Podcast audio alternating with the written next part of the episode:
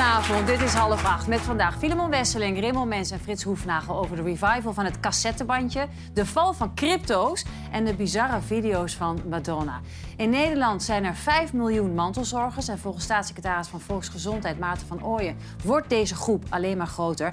En YouTuber Iris Enthoven drijft zichzelf fysiek en mentaal...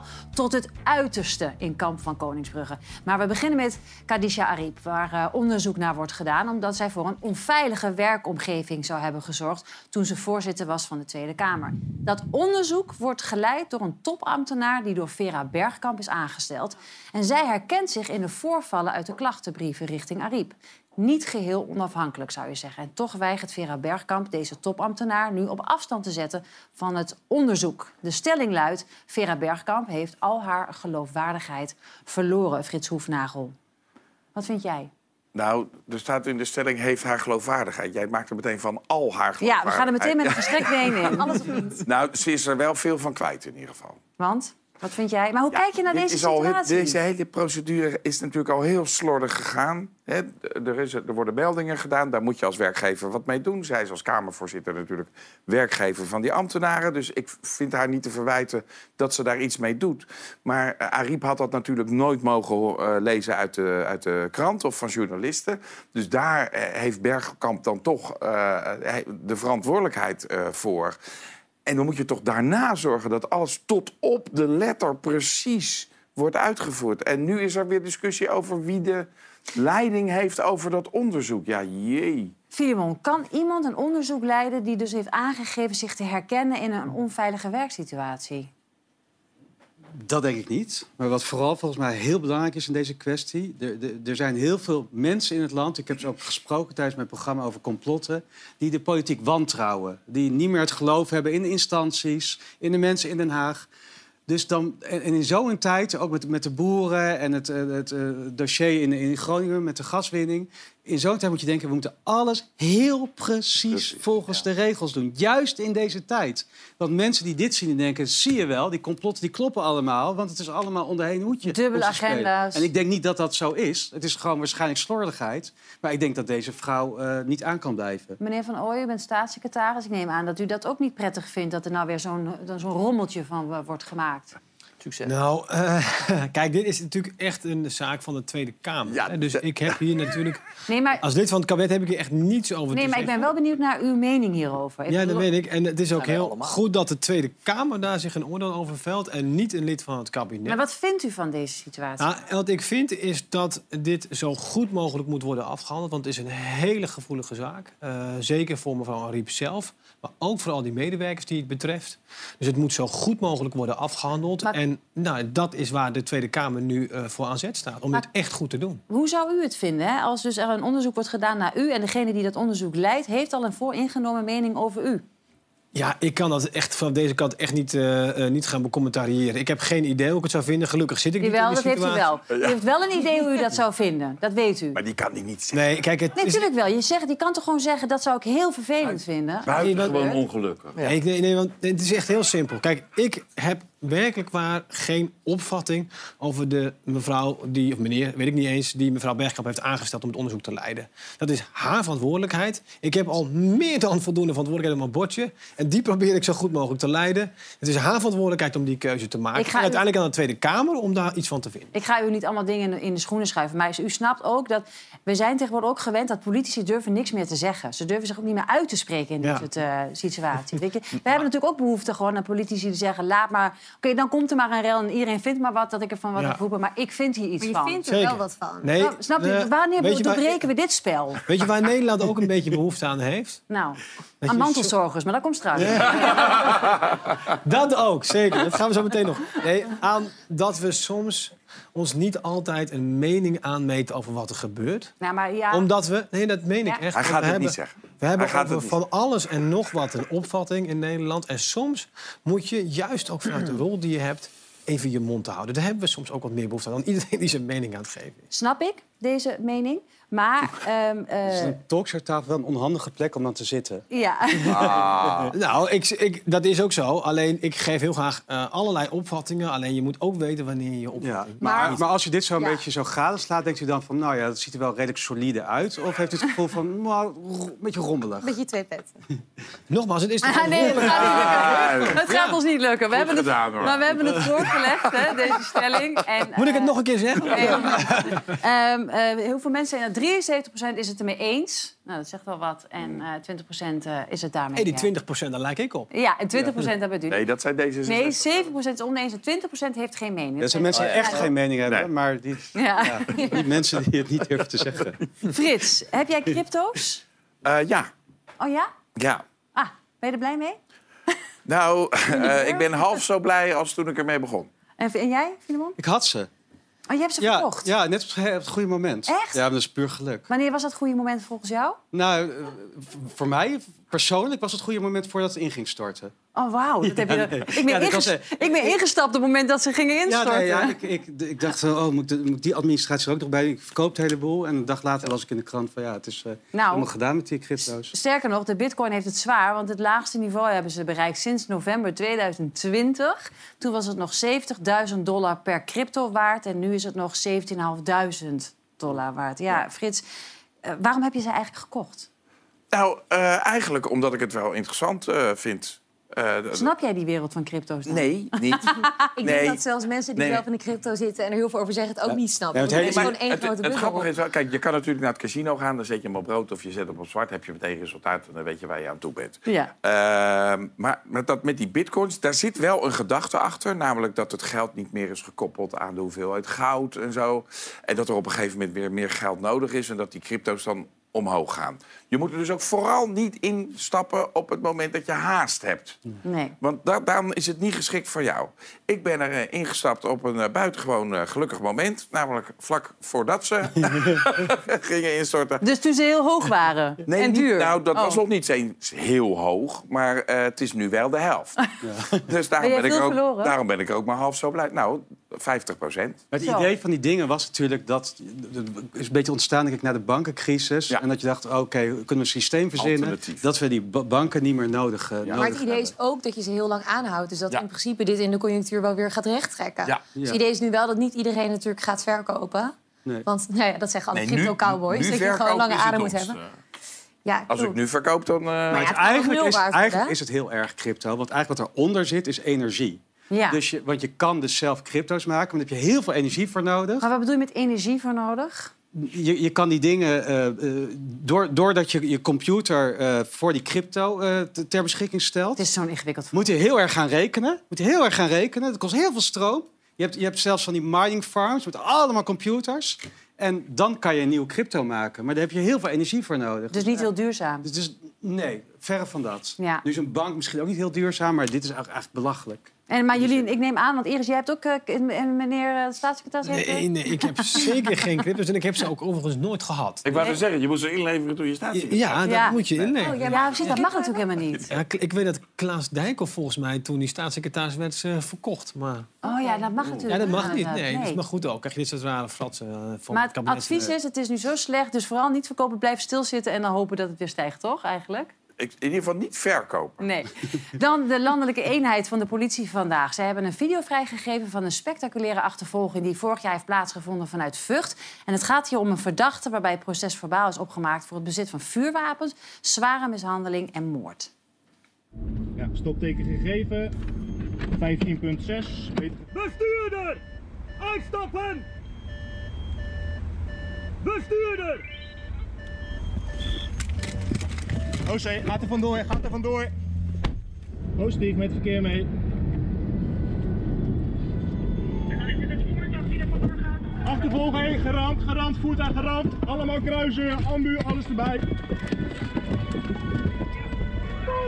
Daar blijven!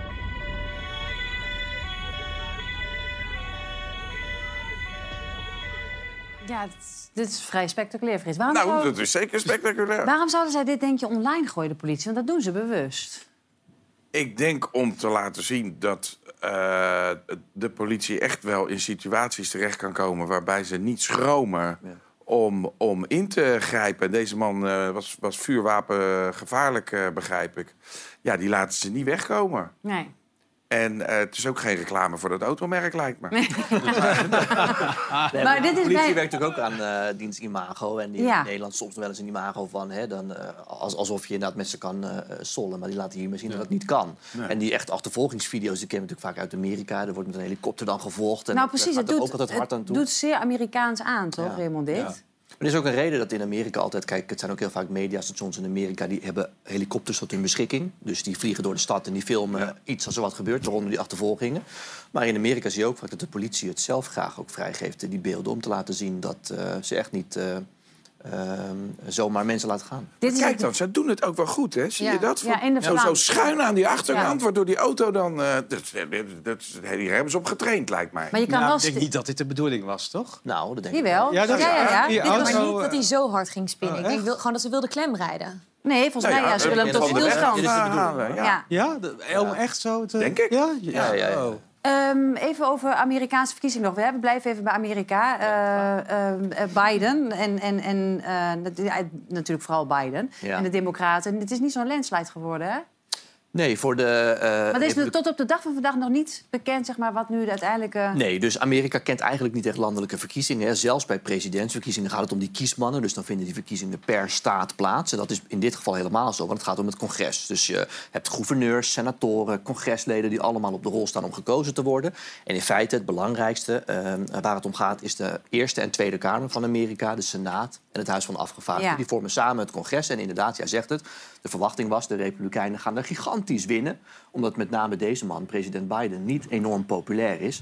En dat is niet gebeurd. En Dat dat is is zelfs... standaard eigenlijk, hè? Dat er zitten de president... Ja, is ook normaal. Dan heb je een, eh, zeg maar in dit geval een wat linksere president. En dan denken veel kiezers, nou dan zetten we een rechtsparlement tegenover. Dan houdt dat elkaar in evenwicht. Maar dat is niet gebeurd. Sterker nog, we hebben nog steeds geen echte uitslag van wie de meerderheid heeft behaald. Ze zijn in heel veel lokale districten nog aan het tellen. Eh, van de Senaat weten we al dat we waarschijnlijk pas na Sinterklaas op 6 december weten wie er gaat winnen. Omdat er één staat is waarbij het zo spannend is en geen van de kandidaten een meerderheid heeft gehaald, dat er een herverkiezing plaats 6 gaat vinden. december is dat al pas? Ja, dat is over een paar weken. Ik vind dat nog wel lang duren. Ja, was in Georgia. Dat was van, was van tevoren Ja. was al duidelijk dat dat heel erg spannend zou worden. Ja, eh, en toevallig is Georgia dan, of nou toevallig, maar. Georgia is de enige staat waarbij ze zeggen... eh, je hoeft niet de meerderheid... Hè, dus normaal als je de meeste stemmen haalt, Ja. eh, meer dan de rest... dan heb je die senaatzetel gewonnen. In Georgia zeggen ze nee, je moet de helft plus één halen. Dus meer dan 50 procent. Er deden drie kandidaten mee, er is dus niemand gelukt. Dus nu gaan ze dat overdoen. En deze man, president Biden, eh, denkt dat zijn kandidaat... de democratische kandidaat kan winnen. En mede daardoor heeft hij gisteren een persconferentie gegeven... en daar ook gezegd dat hij waarschijnlijk zelf over twee jaar ook weer mee gaat Ja, doen. en dan denk ik, die man, die man is dan hoe oud?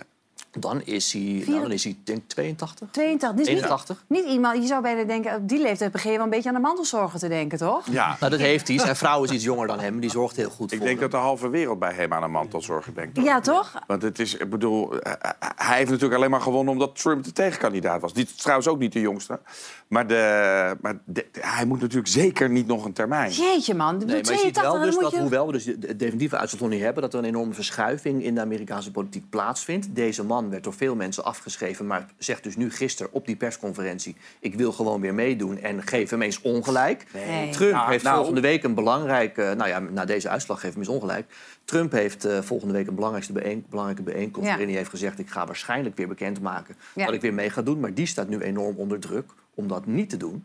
Dus er is echt een enorme... bij Jij, Trump is volgt, er nog jij een- volgt Amerika ook op de voet. Hè? Waarom hebben die democraten nou geen goede kandidaat opgeleid voor eh, nu? Die, moet, die moet, hebben toch al jaren de tijd... Hillary verloren, daar hadden ze niet op gerekend. Ja, Eh, eh, nou hebben ze Biden, waarvan je ook denkt... alsjeblieft, één termijn is genoeg. Waarom zijn daar geen nieuwe kandidaten? Ja, die, die partij heeft eh, eh, onvoldoende aan talentmanagement eh, gedaan. Als je bij de, de Republikeinse partij kijkt, en daar heeft Trump dan weer last van... staan er heel veel jonge Trumpjes klaar om het van hem over te nemen. Waaronder Ron DeSantis, hè, de Ja, gouverneur van Florida. Florida. Eh, de Democraten hebben dat niet echt. En normaal gesproken is de vicepresidentskandidaat... of de vicepresident, dat is Kamala Harris... natuurlijk eh, de natuurlijke opvolger van de Ja. president. Alleen die wordt heel erg buiten het zicht van de camera's gehouden. Botert ook niet zo goed met de president. Ah. En ik denk dat zij misschien ook wel stiekem had gehoopt eh, dat president Biden toch eerder met pensioen zou gaan. Die lijkt dat Ja. nu niet eh, te doen. Ik, ik begin over mantelzorgers en, en, en Biden, omdat het vandaag de dag van de mantelzorg is. Nou, wat een mooi bruggetje. En ik wilde dat even, ik wilde ook hier aan tafel vragen. Want heb jij ooit, ben jij ooit zelf mantelzorger geweest, Frits?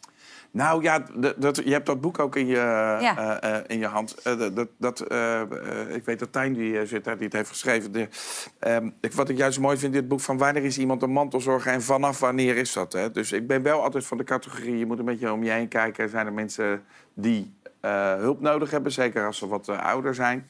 Maar de term eh, mantelzorger zou ik mezelf niet zo snel geven. Nou ja, nee, dat heel veel mensen niet, hè, meneer Van Ooyen. Kijk, ik vraag, het is de dag van de mantelzorg. Alleen al in Nederland, let op, hebben we 5 miljoen mantelzorgers. En de grootte van deze groep zal eh, vanwege de vergrijzing alleen maar toenemen. Sterker nog, vanaf 2040 kan het zijn dat wij hier allemaal, ook aan tafel, maar ook in de studio, zijn we allemaal mantelzorger. Ja, dat klopt. Da daar eh, lijkt het wel op eh, uit te lopen, maar eh, niet getreurd. Hè? Want mantelzorger zijn is heel leuk. Het is soms ook heel zwaar. Het is heel zwaar. Maar Erik bij mooi hoe Tijn dat zei, Erik Scherder die begint er eigenlijk mee. We hebben meteen vaak een beeld van, oh mantelzorger jongens. Maar Erik Scherder zegt eigenlijk, het kan juist ook je geluk bevorderen. Dus dat is prachtig ook wat Tijn volgens mij eh, in beeld heeft gebracht. Maar het is wel zo inderdaad, we worden met elkaar ouder. En we worden met elkaar ook, ehm, ik zou maar zeggen, wel wat kwetsbaarder. Maar ook, we worden echt ook veel ouder. Dus we zijn ook meer 80-plussers en 90-plussers. Ja, en dat, voor die groep zullen we wel met elkaar vaker een handje moeten helpen. Maar kijk, het is natuurlijk een, een, mantelzorger doet het ook uit liefde. Hè, Mhm. Voor de naaste, voor de, voor de, voor de, vooral voor de naaste vaak. Dat is het mantelzorgen. Maar eh, een derde zegt ook dat ze al, nu al in de knel komen. Bijvoorbeeld met hun eigen werkzaamheden. Ze willen namelijk en heel graag blijven werken en meedoen in de maatschappij. Maar er ook zijn voor de thuissituatie. Wat gaat u daar dan aan doen? Ja, dat klopt inderdaad. Ook van dat beeld van die mantelzorgers die eigenlijk, zoals we dat in termen noemen, overbelast zijn. Hè? Dus die hebben eigenlijk veel meer te doen aan mantelzorgtaken thuis. En in combinatie met dat werk redden ze dat gewoon. Dat zijn gewoon te veel, moeten ze te vroeg opstaan. En dat redden ze niet. Dat maak ik me grote zorgen over. Met name die overbelasting van die mantelzorg. Daar moeten we echt wel een paar grote dingen in veranderen. Een van de dingen die afgelopen jaren zijn veranderd, dus ondertussen nu een paar jaar is het bestaat, is het zorgverlof. Nou, dan kunnen eh, mantelzorgers verlof krijgen als er sprake is van een mantelzorgsituatie. Daar zit de werkgever van, eh, van ook daarop te wachten, hè, dat dat zomaar kan. Nou, het is een wettelijk recht dat je hebt. Dus, eh, maar er zijn ook zeker werkgevers die ook wel snappen... ja, als ik een overbelaste mantelzorger heb als werknemer... dan is de kans nog groot dat die gaat uitvallen. Hè? Want dan heb je, krijg je natuurlijk gewoon overspannenheid of een burn-out... of iemand die zich gaat ziek melden omdat hij het gewoon niet redt. Maar is een zorgverlof, hè, sorry dat ik u onderbreek... maar is dat ook dan dat, u, dat je minder gaat verdienen? Dat je dan bijvoorbeeld maar 70% van je salaris overhoudt? Ja, dat betekent ook dat je minder gaat eh, verdienen inderdaad. Alleen je krijgt in die periode wel een verlof. Je kunt het eigenlijk heel goed eh, eh, vergelijken met wat we heel goed kennen... namelijk het geboorteverlof voor zowel ehm, eh, De vader de als- vader als eh, de moeder. Ja. Maar de 30% inleveren is natuurlijk, dat is al best wel veel voor mensen, vooral deze tijd ook. Zeker. Moet mijn moeder de komende tijd wel heel lief zijn. Nee, maar ik maak me serieus oprecht zorgen. Want ik, bij mij, ehm, ik weet niet hoe, hoe jullie daarover nadenken. Ik neem aan, hè, jullie ouders zijn in de 60. Ja. 70. 70, nou ja, Ja. die zijn over, hè, over 20 jaar ook hulpbehoevend. Ehm, ik neem aan, dan zijn we allemaal nog werkend.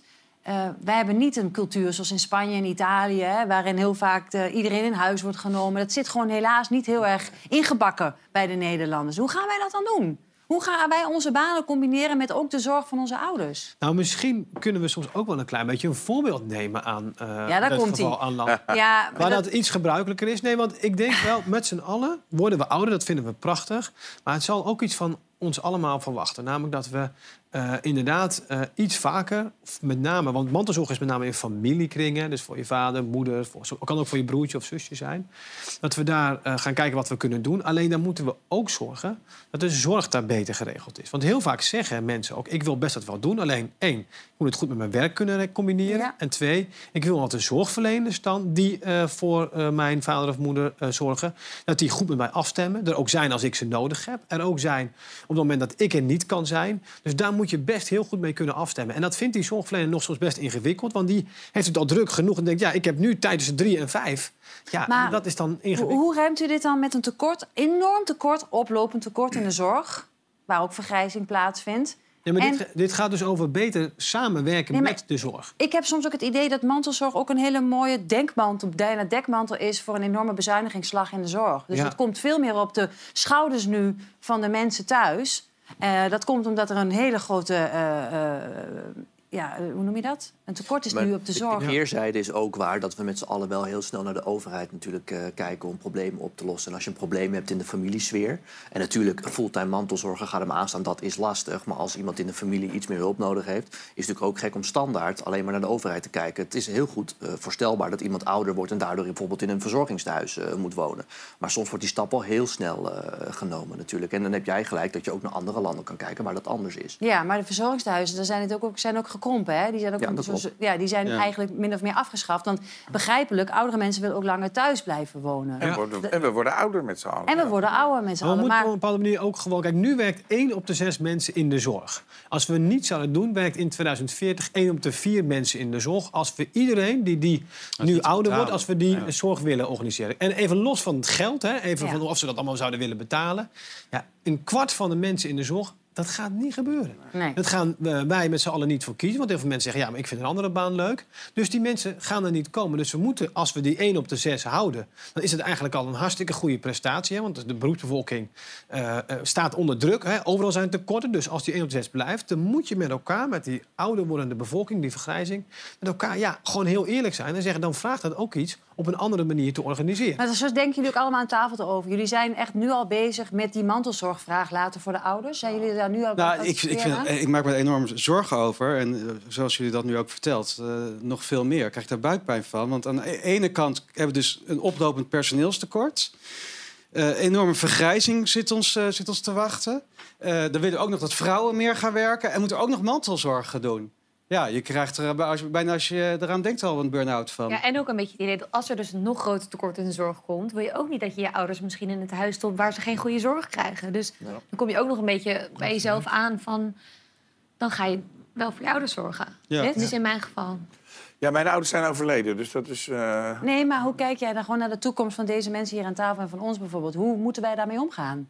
Nou, ik denk dat, eh, dat we er rekening mee moeten houden. eh, dat je inderdaad eh, meer eh, zal moeten doen voor ouderen... en een beetje om- zal moeten omkijken naar elkaar omdat anders eh, problemen die je nu al ziet van hè, mensen die, die, die vereenzamen, eh, dat zijn niet alleen ouderen natuurlijk, maar, de, Ja. maar dat mensen, dan, dan krijg je geen leuke samenleving van. Want woningnood speelt natuurlijk ook nog part. Hè? Want stel je voor dat ik een week een grote boerderij hier ergens in de buurt heb. Ja, dan zeg je tegen je moeder, ga dan maar... eh, Ja, wil niet zeggen in de scheur, die Nee. verbouw je dan wel mooi.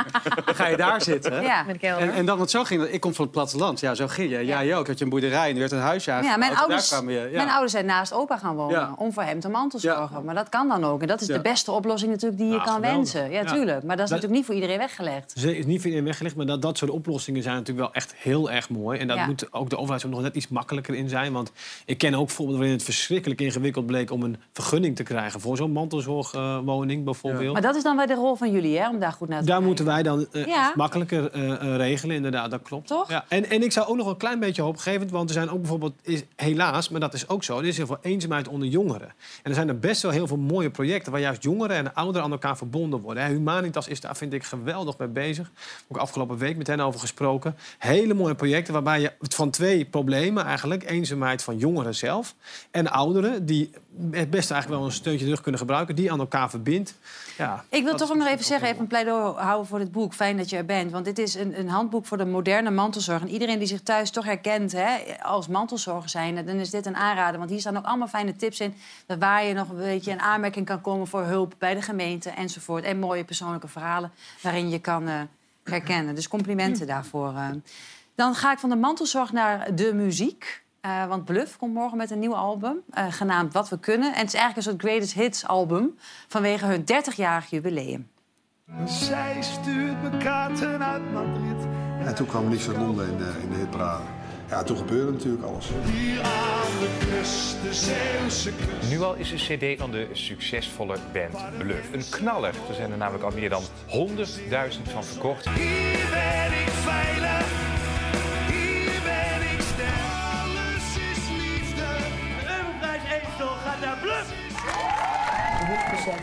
Oeuvre Award. Bluff.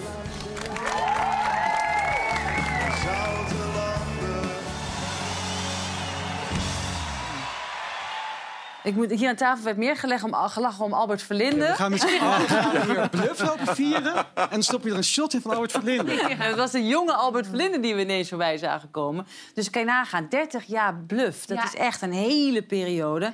Ja, eh, doe maar de Golden Earring, Kensington, Direct. Op welke plaats eh, staat de bluff in het je rijtje, vind jij, Iris? Nou ja, deze bands zijn natuurlijk allemaal te gek. Maar voor mij staat Bluff wel echt op nummer één. Überhaupt het feit dat je 30 jaar met dezelfde band bent. In bijna dezelfde eh, samenstelling. Ja. Zoveel hits die al voorbij komen. Denk aan inderdaad Zoute Landen, Omarmen. het regent harder dan ik hebben kan. Ze hebben zoveel knallers. Ook een beetje tijdloze muziek. Wat maakt ze zo goed inderdaad? Hoe kan het dat zij al 30 jaar gewoon zo goed bezig zijn? Ja, ik denk dat zij toch een beetje ja, redelijk dicht bij zeg maar, de mensen staan. Het is nou ja, wel simpele muziek met wel ingewikkelde teksten. Ehm, en het is ook wel ja, tijdloos. En het heeft ook een beetje, een nostalgie-sfeertje. Maar ik denk dat iedereen wel bluff kan meezingen Nou, eigenlijk, niet toch? iedereen hoor. Nee, jij niet Dus het doet Raymond? Ik alsof... vind helemaal niks. Nee? Waarom dat niet? Ik vind het van die zeikmuziek en het lijkt ook allemaal op elkaar. Nee, ik vind het echt wel... Ja? Heb je wel eens goed geluisterd? Ja, Goeie ik heb heel goed geluisterd. heeft een beetje het gevoel van een man van middelbare leeftijd... die in de kroeg met een half glas bier zijn leven aan het overdenken is. Het is al heel nostalgisch, het is een beetje Ja, dramatisch. maar er zijn heel veel van zulke teksten. mannen. Niemand begrijpt die teksten. Nou, daar wilde ik dus iets over zeggen. Want die teksten, eventjes. Eh, een nummer dat we allemaal kennen van... er zijn vliegtuigstoelen, Ja. Ja. miljoenen bijbedoelingen. Ja. En bovendien zijn er limousines. Ja. Ja. En er zijn, eh, dingen over ster- er zijn eh, dingen, leugens over sterren die we toch nooit zien. Ja. Misschien, kijk, die hele tekst is... Kan je helemaal... Ja, Ik heb nog nooit nagedacht over die tekst. heb je er nooit over nagedacht? Het nummer ken ik dan blijkbaar niet. Nou ja, het gaat natuurlijk de tekst Maar maar dat alle kanten. Maar dat is, ook vaak, dat is ook, ja, maar dat is ook vaak ook natuurlijk een beetje een grap toch over bluff. Dat heel vaak mensen vinden het prachtig, maar niemand weet wat ze zingen. Maar ik geloof dat die Peter Slager, die is verantwoordelijk voor de tekst. Zeker, hij is de tekstschrijver en hij heeft ook meerdere prijzen er- daarvoor Ja. gewonnen. Dus er zit natuurlijk...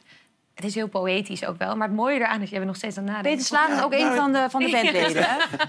Ja, maar ik weet nog, eh, volgens mij was op een gegeven moment de drummer was overleden, als Ja. ik me goed herinner. En toen heeft hij zo'n mooi nummer eh, geschreven van eh, ik mis je, ik mis je meer dan, dan ik aan. Dan weet ik die tekst natuurlijk niet Het is precies. wel een goede band. Maar ja, Ja, en dan met 100%. lekkere muziek. gewoon- Ik vind ze wel Ik heb zelf puur. maar het is wel een En, maar ik vind het wel gewoon geinig dat iedereen natuurlijk uit volle borst kan meezingen met de muziek. Maar dat die teksten natuurlijk ja, beetje alle kanten op schiet. Is En tegelijkertijd heel poëtisch Het regent harder dan ik hebben Ja, kan. Is dat hem niet? Ja, ik heb dat is. Ik weet niet of dat de ode is aan Chris de drummer, maar het is wel een Ik dacht het wel. Ja. Maar kijk, Peter Slager heeft wel gezegd... ik geef een bloemlezing, eh, volgens mij in een soort theatertour... als ik het goed heb, en waarin hij zijn teksten gaat ontleden... Ja. en ook duiding geeft bij de teksten. Ah. Ja. Dus dat vind ik wel een leuke. Want Ja. ik denk dat veel bluff-fans en liefhebbers dat wel fijn vinden. Lijkt me heel fijn.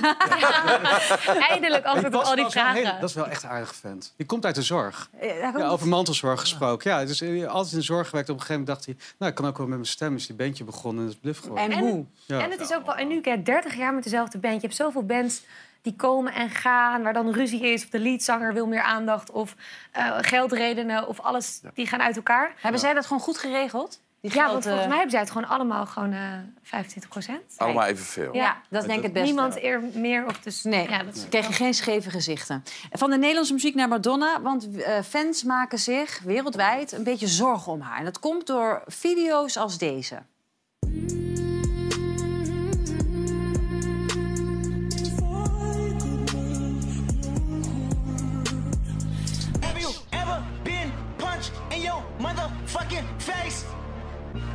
You say? Oh, you haven't? Alright, wait.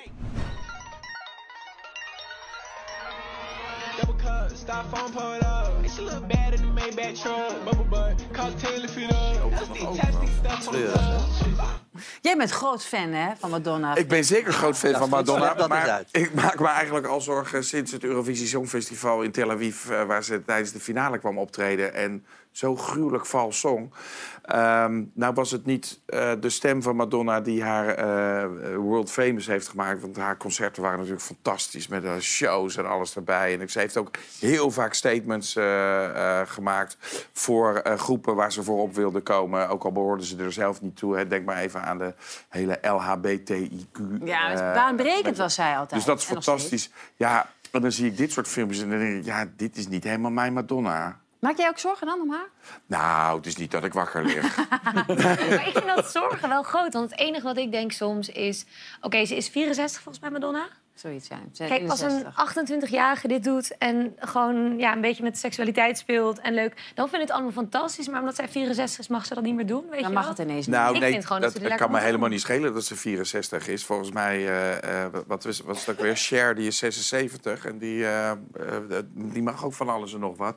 Ik denk alleen, het is mijn Madonna niet. Nou ja, Nee, maar het gaat ook wel ver dat mensen, eh, ehm, mensen zich dan gelijk zorgen gaan maken. Ja, misschien is ze wel dolgelukkig met Ik denk dat ze mantelzorger nodig heeft. Nee, maar je weet niet. Ja. Ja. Het is ook, en we zijn ook altijd heel erg bang voor nieuwe dingen. Nu is dat plastische chirurgie, dat is natuurlijk al een tijdje aan de Het gang. is natuurlijk maar- wel wennen om haar zo te zien, hè? In een hele nieuwe gedaante. Weet je, dat... Ja, Ze zocht altijd maar- wel een beetje de grens maar het is, ja, dat is dat wel. Madonna. Ja, dat het. juist En dit is wel echt Madonna. Dus, Ja. En misschien is ze wel dol, is gelukkiger dan ooit. Dat weet Ja. je niet, hè? Ja. Zeker. Kijk, en we hadden het al over Cher. kan het niet meer zien in een gezicht. Nee, je ziet, nee, dat weet je. Dit is helemaal weg. En haar billen zijn echt een soort van Kim Kardashian-bil heeft ze nu. Ja. Maar goed, misschien is zij super happy, ja. En Vragen Cher, we toch niet net? Of nee, nee. Dat het rijden zich erop billen op een je ander wel. filmpje. Oh, ja. Ja. En Cher, die, die, die, die- Ja. die- ja, heel even, hè, deze vrouw is 76 Ja, jaar. Oh, Ja. ongelooflijk hoe ze eruit ziet. Ik ben hè? nog Nou ja. geweest in, eh, in, eh, in eh, Ziggo, waar ze optrad. En Toen zei ze ook van... eh, In de Op een gegeven moment had ze een heel, had ze een heel verhaal. En toen zei ze van, eh, zei van... Ja, oh, en als mensen vragen van... eh, ga je echt naar zo'n eh, oude vrouw? Dan moet je maar zeggen... En wat doet jouw oma vanavond? Ja. En, zij, ja, en zij trad erop. Ja, fantastisch toch? Ja, en ze, en ze is ook nog eens gelukkig in de liefde, hè, met eh, Alexander Edwards. Ja. en die is slechts 40 jaar eh, jong. have a beautiful smile right here, there, and there. Love it. Thank you. En deze jongen is 40 hoeveel? jaar jonger. 40 jaar 40 jonger. jaar jonger, ja. Ja, dat doet ze ook Ja. goed. Toch? Nou ja, dat is toch fantastisch? Ja, ik vind het toch. Ik heb vaak is- jaloezie is hoor, van mensen die erop af gaan geven. Dat denk ik ook. Ik denk Ja. dat heel wat denken, mensen... oh, ik zit hier met rimpels achter de graniums en zij heeft zo'n heel leuk Ja, joh. Maar de ik denk dat er heel wat mensen het vriendje van Cher zouden willen zijn. En ik denk dat er heel wat eh, eh, mensen van 76 denken... nou, 40 jaar jonger, toch fijn om, om nog een keer de liefde te vinden. Ja, er, er, kwam heel veel, er was heel veel om te doen eigenlijk. Omdat mensen dat te gek waren. Of dachten, ja, die jongen heeft misschien verkeerde intenties. Maar als zij super blij is en hij heeft volgens mij ook een hartstikke goede baan... Joh, De lekker. liefde is er volgens mij helemaal niks aan de hand. Zo Prima. mooi hoe je dat zegt. Dan iets anders. Ehm, Taylor Swift, Harry Styles en de Spice Girls eh, hebben hun muziek ook eh, uitgebracht op muziekcassettes. Ehm, ik vraag me alleen dan wel af, hè, toen ik deze vanmiddag na jaren weer eens een keer in mijn handen af- had, weten jongeren nog wel wat een cassettebandje is? Give me a demonstration on how to listen to a tape. You getting any music out of it, Oz? No, I'm just getting rattles. You're just getting rattles. Yeah, how do you turn it on? Is Do you think it needs button? batteries? Yeah. Where do you think the batteries might go? How do you turn it on? How do you Do you turn like- it on? Yeah. Is there a switch? You plug it into like this. So basically, somehow it plugs into like the TV, and you have to watch it through that. Ja, ze hebben geen idee natuurlijk. Dat snap ik ook. Jij bent 28, Iris. Ja, Heb jij klopt. dit nog meegemaakt? Niet echt. Dit is voor de cd's, toch? Want de cd's heb ik wel Ja, meegemaakt. Ja, ja, ja. ja, Ik, eh, ik, ik, heb, ik ken het van horen zeggen. Dit? Ja. Nooit in je handen gehad? Ja. Jawel, tuurlijk. Oh. Ik heb dat voorbij zien. Ik weet wat het is, maar ik heb het niet heel veel gebruikt. Ja, Filemon, jij, was jij... een- Ja, zeker. Ja, ja. Heel veel illegaal getaped altijd. Eh, dat, dat deed je als je... Iedereen deed dat. Wat deed je dan met een cassettebandje? Wat, wat... Nou, ik luisterde de muziek eh, op. Ja, wat... nee. Wat anders. Nou ja, je, wat anders. je kan je jezelf opnemen. Je, Oh. kon, je kon DJ zijn. Deed je Oh, dat ja. niet? Je stem nee, ik zat, nee, ik zat met de, met de top 40. eh, die haalde ik bij de Free Record Shop. En dan zat ik dan wel die, eh, die liedjes De nummers. Ja. Ja. En dan altijd die DJ die er doorheen ging praten. Behalve eh, Frits Spits. Ja, die deed dat. Die Maar- draaien ze altijd helemaal. Eh, Maar waarom brengen ze dit nog uit op cassettebandje? Heel even. Dat heeft te maken met... De, we, we, we, zijn- we leven in een tijd dat er heel veel verandert. En dat vinden mensen altijd vervelend. En zo'n cassettebandje geeft een soort nostalgisch gevoel. Daarom is dat vintage en dat soort dingen van vroeger terug. Veiligheid is dat. Denk je ook, Iris, dat dat zo Ja, is? ik denk het ook wel een beetje. Een beetje die hunkering naar een beetje nostalgie, oldschool, vintage. Er zitten heel veel artiesten, zoeken ook steeds meer muziek uit. Een beetje andere, zeg maar, van vroeger. Maar vinyl komt toch ook helemaal terug? Of is ze eigenlijk al helemaal Ja, Ja, maar dat, nostalgie. dat is... nostalgie. Ja, maar, Maar maar, is de maar- Walkman dan ook weer in nu? Eh, precies. ook weer terug. Ja. Nee, grote- nee, want precies, waar, waar- gaan we dit ding afspelen? Er is toch geen apparaat meer in de buurt te Ik vinden? heb er nog een. Ja? Ja. Ja. Het is allemaal bij jou Ik thuis ook. afgesproken. Ik moet er wel afstoffen. Ik heb trouwens, ik had, eh, eh, toen ik 16 eh, was, toen zat ik bij Club Veronica Trent. Dat Oh, was ja. op, de, op de radio. Iedere maandagavond een uurtje huiswerkradio. en, ehm, en daarvan heb ik de cassettebandjes nog, omdat ik dacht van ja, ooit stel dat ik het ooit nog eens een keer wil eh, luisteren. Dus al die muziek heb ik juist weggegooid. Maar je hebt je die heb ik nog. nog. Oh, Het allemaal. Frits Hoefnagel En dat wil niemand natuurlijk nog Ja, nou bijvoorbeeld. Goed, straks Iris Enthoven die zich vrijwillig in elkaar liet slaan... tijdens haar deelname aan Kamp van Koningsbrugge. Waarom? Tot zo. Huh? Hij gaat niet meer dicht. Ja, welkom terug bij half acht. Straks Iris Enthoven over haar deelname aan Kamp van Koningsbrugge. Maar eerst het laatste nieuws. Minister Connie Helder eh, van Medische Zorg. Zij gaat naar eh, Qatar. Uw collega, staatssecretaris meneer Van Ooyen. Ja, ja, ja. Vindt u daarvan? Zij heeft portefeuille sport in haar portefeuille. Dus dat is de meest logische eh, afvaardiging. Als je gewoon naar de portefeuille kijkt. Ja. Ja. Jaloers? Nee, in dit geval ben ik niet jaloers. Nee, nee. En het is nog niet bekend of Rutte gaat en of de koning gaat. Maar zou u gaan als, eh, als, u, eh, hè, als ze zeggen... nou, wilt u deze taak op u nemen en pak een vliegtuig naar Qatar? Wat zou je dan zeggen? Nou ja, kijk, het kabinet heeft besloten om te gaan. Hè. Dus dan even, Ja. vervolgens is dan de vraag, wie gaat er dan? Nou, het is eenmaal niet logisch dat ik daar naartoe ga vanuit Nee. mijn portefeuille. Dus tenzij we het over mantelzorg gaan hebben in Qatar. Ehm, maar verder is het niet logisch. Dus in die zin, ja, die vraag Nee. gewoon helemaal niet voor. En Frits, wat, maar jij bedoel, ze hebben inderdaad, hè, zoals meneer Van Ooyen zegt... ze hebben gezegd als regering zijn we gaan. Er gaat Ja. een delegatie. Kijk, de grote vraag is natuurlijk, gaat de koning ja of nee? Nou ja, maar wat, wat in deze hele discussie eh, irritant is... is dat ze hadden natuurlijk nooit moeten besluiten om dat in Qatar Nee, dus we eh, zitten te er doen. al. Dus dat is het al. Maar toen er eh, tolken uit Afghanistan moesten worden eh, gehaald... en Nederland daar geen middelen voor had... en de Qatari ons konden helpen... toen heb ik niemand gehoord over, eh, eh, over de situatie eh, daar. Dus de een, als we ze nodig hebben, dan, dan zeggen we niks. En nu, nu dat voetbal daar is, waarvan we eigenlijk vinden dat het er niet had moeten zijn... Nou, er is gaan mensen een opeens heel groot verschil tussen een beetje assistentie verlenen bij een internationale crisissituatie en met z'n allen een gezellig samenbindend feest Daar is een groot verschil tussen, maar er is geen verschil tussen wanneer trek je je eh, wel of niet open. En ik vind dat heel hypocriet. Ik vind dat ze ook veel te laat zijn met alle kritiek. Dat had meteen moeten worden gezegd. Qatar, daar gaan we dat eh, dus eh, eh, niet doen. En nu moeten, moeten die voetballers zich opeens gaan uitspreken. Wat hebben die ermee te maken? Die hebben de beslissing ook niet genomen. Nee. Maar wat vind je, want ze zeggen, kijk, de, minister Connie Helder gaat dus nu. En op het moment dat Nederland... Ja, maar als, als Nederland verder komt in die kwalificatie, verder, verder... dan zou er dus ook nog sprake kunnen zijn dat Rutte alsnog komt met de koning. Ja, dat zou ik ook helemaal niet zo heel erg raar vinden. Want je support daar je land. Je steunt niet het land waar het wordt georganiseerd. Je steunt daar je land. Dus stel maar je nou, laat- Nederland staat in de finale en dan is de koning er opeens niet bij. Maar je, je, bent wel, vinden. je bent wel debet aan het feit dat daar, daar een hele puinhoop is ontstaan, zeg maar. Nee, daar ben je helemaal niet debet aan. Vind je van niet? Nee, dat heeft die FIFA eh, eh, besloten. Denk je dat als het, stel je voor, het was in Duitsland geweest... Het, eh, wa- wa- wa- was Rutte dan wel meteen in, in de groepsfase al daar naartoe gereisd? Ja. Dan is het toch heel raar dat je dat dan af laat hangen. Dus, dus Van het je gaat er het nu team. niet naartoe vanwege die, die, die, die, die arbeidsomstandigheden. Ja. En aan de andere kant zeg je dan, maar als Nederland succes heeft... Ja, dan maken die principes maken niet zoveel uit. Want dan moet ik mijn, mijn land steunen. Ik denk, als je aan de halve finale staat, heb je, dan, dan heb je het al goed gedaan. Die steun kan je dan beter in de groepsfase geven. Als je het... Ja, Want dan heb je het echt nodig. Zij proberen Maar natuurlijk dat een beetje slaat aan natuurlijk te... gewoon nergens Nee, maar dat slaat nergens op. dat Zij komt door proberen de natuurlijk een beetje aan eh, te voelen hoe dat in de samenleving leeft. Iedereen heeft kritiek op dit eh, toernooi. Als op een gegeven moment Oranje verder komt en dat toch een beetje verzacht en mensen in dat toernooi groeien, dan willen ze de mogelijkheid openhouden om toch te gaan. Ik vind ook dat ze dat niet moeten doen. Eh, maar dat is natuurlijk hoe ze beginnen, kijken. Ja, precies. Het is een beetje slap om zeg maar Ja. af te wachten wat men vindt en dan je keuze. Ik vind gewoon dat maar zij het moet is- stelling innemen of wel of niet. Maar volgens mij is het net als. De, volgens mij is het zo dat. de- Kijk, dat de minister van Sport gaat. Dat is eh, in ieder geval niet gek. En volgens mij bij andere WK's of EK's gaat de koning ook niet meteen in de groepsfase er naartoe. Wat vindt u er eigenlijk van? Nou ja, wanneer de koning gaat daar is... niet zijn portefeuille. Nee. Dat is wel belachelijk. Ik vraag het als mens. Stel, je bent premier. Ik, vind, ja. Ja, je bent- Hypothetisch gezien.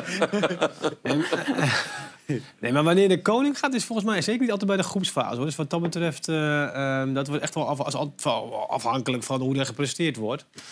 Eh, dus volgens mij heeft het daar niet zoveel mee te maken. Eh, en inderdaad, ja, nu gaat de minister van Sport. Ja, dat is ook het meest logisch. Overigens Ja. zijn er heel veel sportevenementen op heel veel plekken in de hele wereld.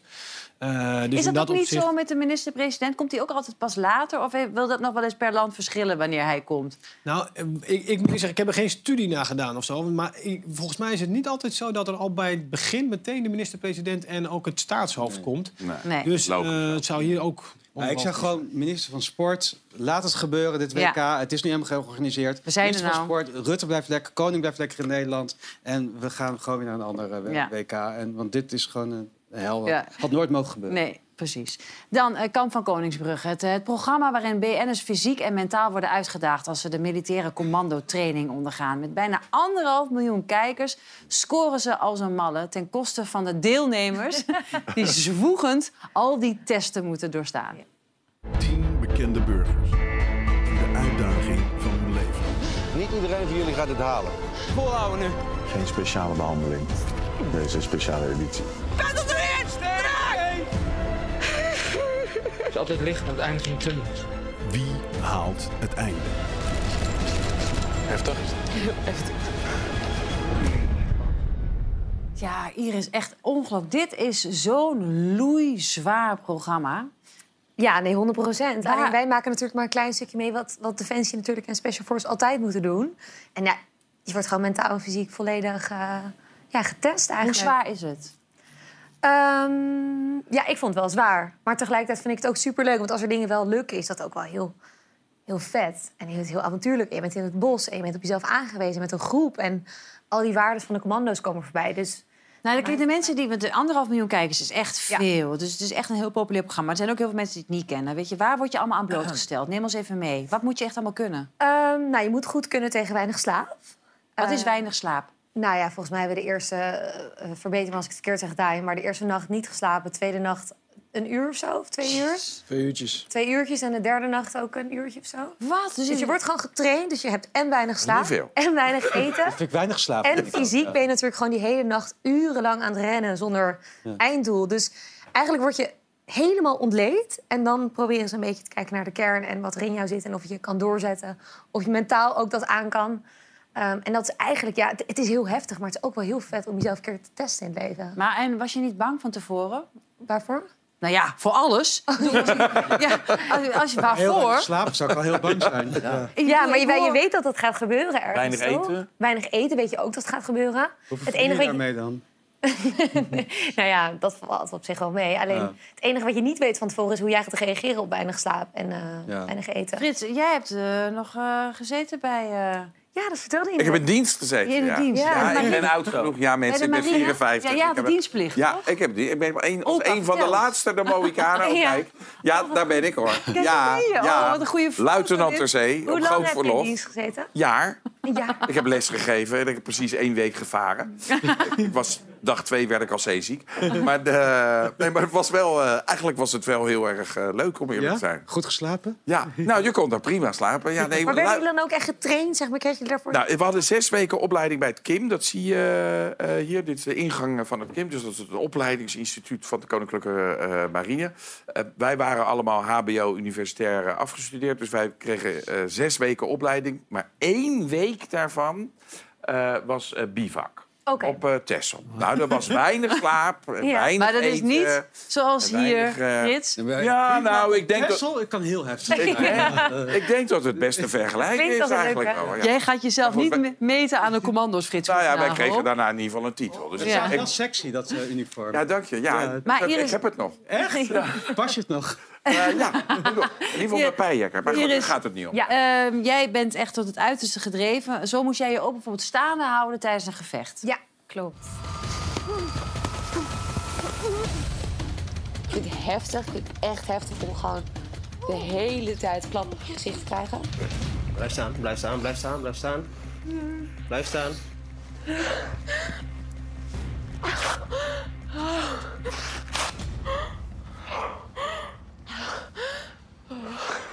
Heftig? Heel heftig. Ja, je hebt hier bijna een hyperventilatie en je dacht dat je je neus gebroken Nou, had. daar, je ziet mij in het beeld ook een beetje dit Ja. doen. Omdat Ja. die eerste stoot, ik- die hebben ze ook iets eh, netter in beeld gebracht. De eerste stoot is gewoon keihard op mijn neus. Dus ik zit hier zo en ik denk echt, kut, zo, ik heb gewoon mijn neus gebroken. Dus ik raakte in een soort van paniek. Maar tegelijkertijd word je natuurlijk wel gevraagd om weer door te vechten. En dit is ronde één en dan ben je, denk je, oké, kut, ik heb het overleefd. En dan zeggen ze, ja, doe je handschoen maar uit, je gaat nu worstelen. Jeetje. Dus dan moet je mentaal natuurlijk weer even die, die, die knop kunnen omdraaien... om dan te zeggen, oké, we gaan er wel gewoon weer voor. Jai, jij bent instructeur van dit programma. hè. Waarom moeten ze dit toch allemaal ondergaan? Ze doen het zelf. Maar ja, uiteindelijk ehm, willen ze ze met iets meten natuurlijk. En dat, eh, dat Dat is het standaard van de eenheid waar ik heb gediend. Korpscommandotroepen. En die lat ligt ontzettend hoog. Ja. En eh, ja, dat is een, een hele grote uitdaging. Maar wat onderscheidt zich nou, weet je, wat, wat onderscheidt nou de echte commando? Weet je, hoe word je echt een commando? Waar, waar moet je echt aan voldoen? Wat is je kernkwaliteit als commando? Ja, dat zijn er een aantal. Maar als ik het eh, simpel zou mogen verwoorden, dan, dan kun je het zo zien. Er gaan 100 mannen beginnen met de opleiding. Vrouwen mogen dat ook. Het is alleen nog niet gebeurd. Als er 100 man begint, dan halen er 10 ongeveer de opleiding. En ik, ik ben van mening dat het komt door een factor eh, die ik noem mentale kracht. En dat is een combinatie van zowel fysieke als cognitieve als emotionele ja, krachten als het ware... die je kunt inzetten en gebruiken om uiteindelijk zo'n eh, opleiding... Maar dit is het allerzwaarst binnen de krijgsmacht, toch? Ja, zeker. Dus als je het hebt over de Special Forces... dan heb je het over het Korps Commandotroepen... en een eh, speciale eenheid van eh, de mariniers, Marshof.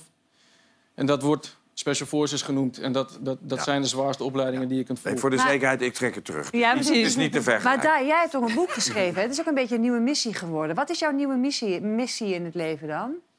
Ja, toen ik wegging bij het Korps Commandotroepen in 2019... viel ik eh, best wel in een eh, put, om het zo maar te zeggen. Want als je dat eh, ja, meer dan de helft van je leven bijna hebt gedaan... vanaf mijn 17e tot mijn 30e bijna militair geweest... acht keer op missie naar vier verschillende conflictgebieden... Zo. En je stopt daarmee, ja, dan va- val je een beetje in een put. Maar uiteindelijk ben ik uit die put, put geklommen. En toen kwam ik boven en toen dacht ik, nu heb ik een nieuwe missie. En dat is eigenlijk alle lessen die ik heb geleerd bij Defensie... eh, en over mentale kracht delen met zoveel mogelijk mensen... zodat er zoveel mogelijk mensen mentaal krachtig worden. En ze- dit programma kan daar ook aan bijdragen, denk jij? Ja, dat zeker. Want als Ja? je kijkt naar de invloed van, eh, van het programma... en de berichten die ik eh, en mijn- maatje Ray nou, dagelijks ontvangen... over wat het doet met mensen en wat ze ervan leren... dat is echt heel bijzonder. En dat had ik niet, eh, dat had ik niet verwacht.